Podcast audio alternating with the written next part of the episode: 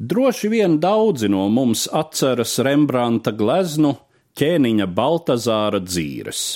Satriekts varenais despots veras uz sienu, kur Jāhves roka velk ugunīgas zīmes - mēnē, mēnē, tekel, upharsin. Kā vēsta Bībeles leģenda, Babilonijas valdniekam Baltazāram jeb Belzacāram uzraksts vēstīs paša un viņa valsts galu kā to arī viņam nepārprotami iztulkojas jūdu pravietis Daniels. Skaitīts, skaitīts, svērts, dalīts.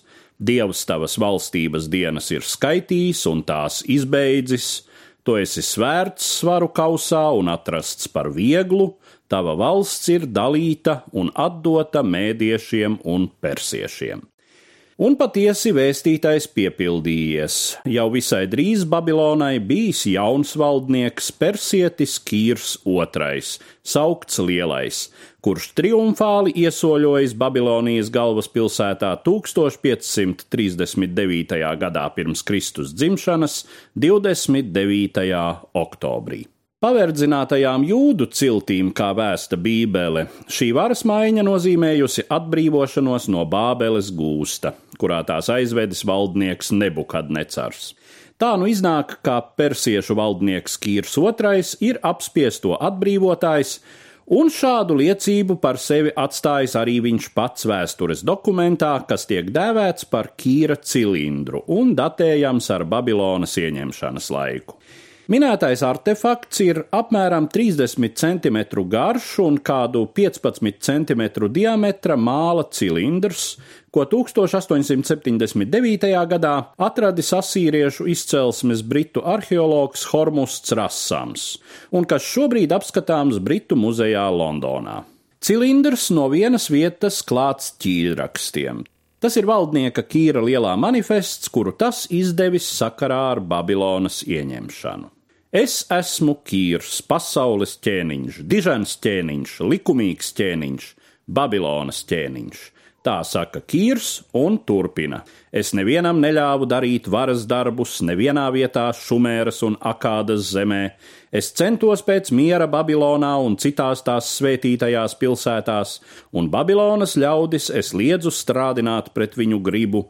Es arī pulcināju visus citus agrākos iemītniekus un atgriezu tiem viņu mājvietas. Diezgan liela daļa cilindra teksta veltīta Kīra priekšgājēju Babilonas valdnieku ļaundarību aprakstam.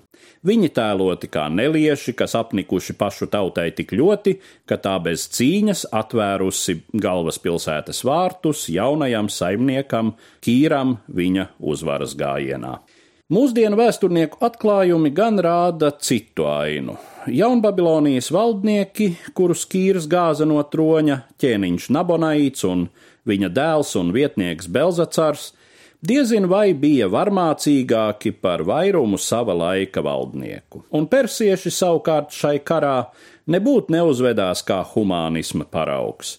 Iebrukuši Babilonijā, viņi uzvarēja Nabonaida armiju pie Opisas pilsētas, bet babiloniešiem izdevās atkāpties ar nelieliem zaudējumiem.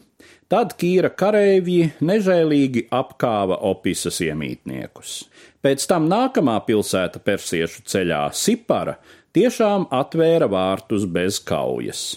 Kas attiecas uz Babilonas vārtu labprātīgu atvēršanu, tā nav tiesa. Kīrs izrādījās viltīgāks par babiloniešiem. Viņš neiesaistījās izšķirošajā kaujā, bet nosūtīja mazāku vienību pa apkārt ceļu uz neaizsargāto galvaspilsētu un to ieņēma. Un te nu viņam gadījās necerēta veiksme. Nenojaušot par galvaspilsētas krišanu, tajā atgriezās ķēniņš Nabonaīts un krita gūstā. Pēc tam jau arī viņa armijai nekas cits neatlika kā padoties, un Kīrs varēja ar triumfu ierasties Babilonā.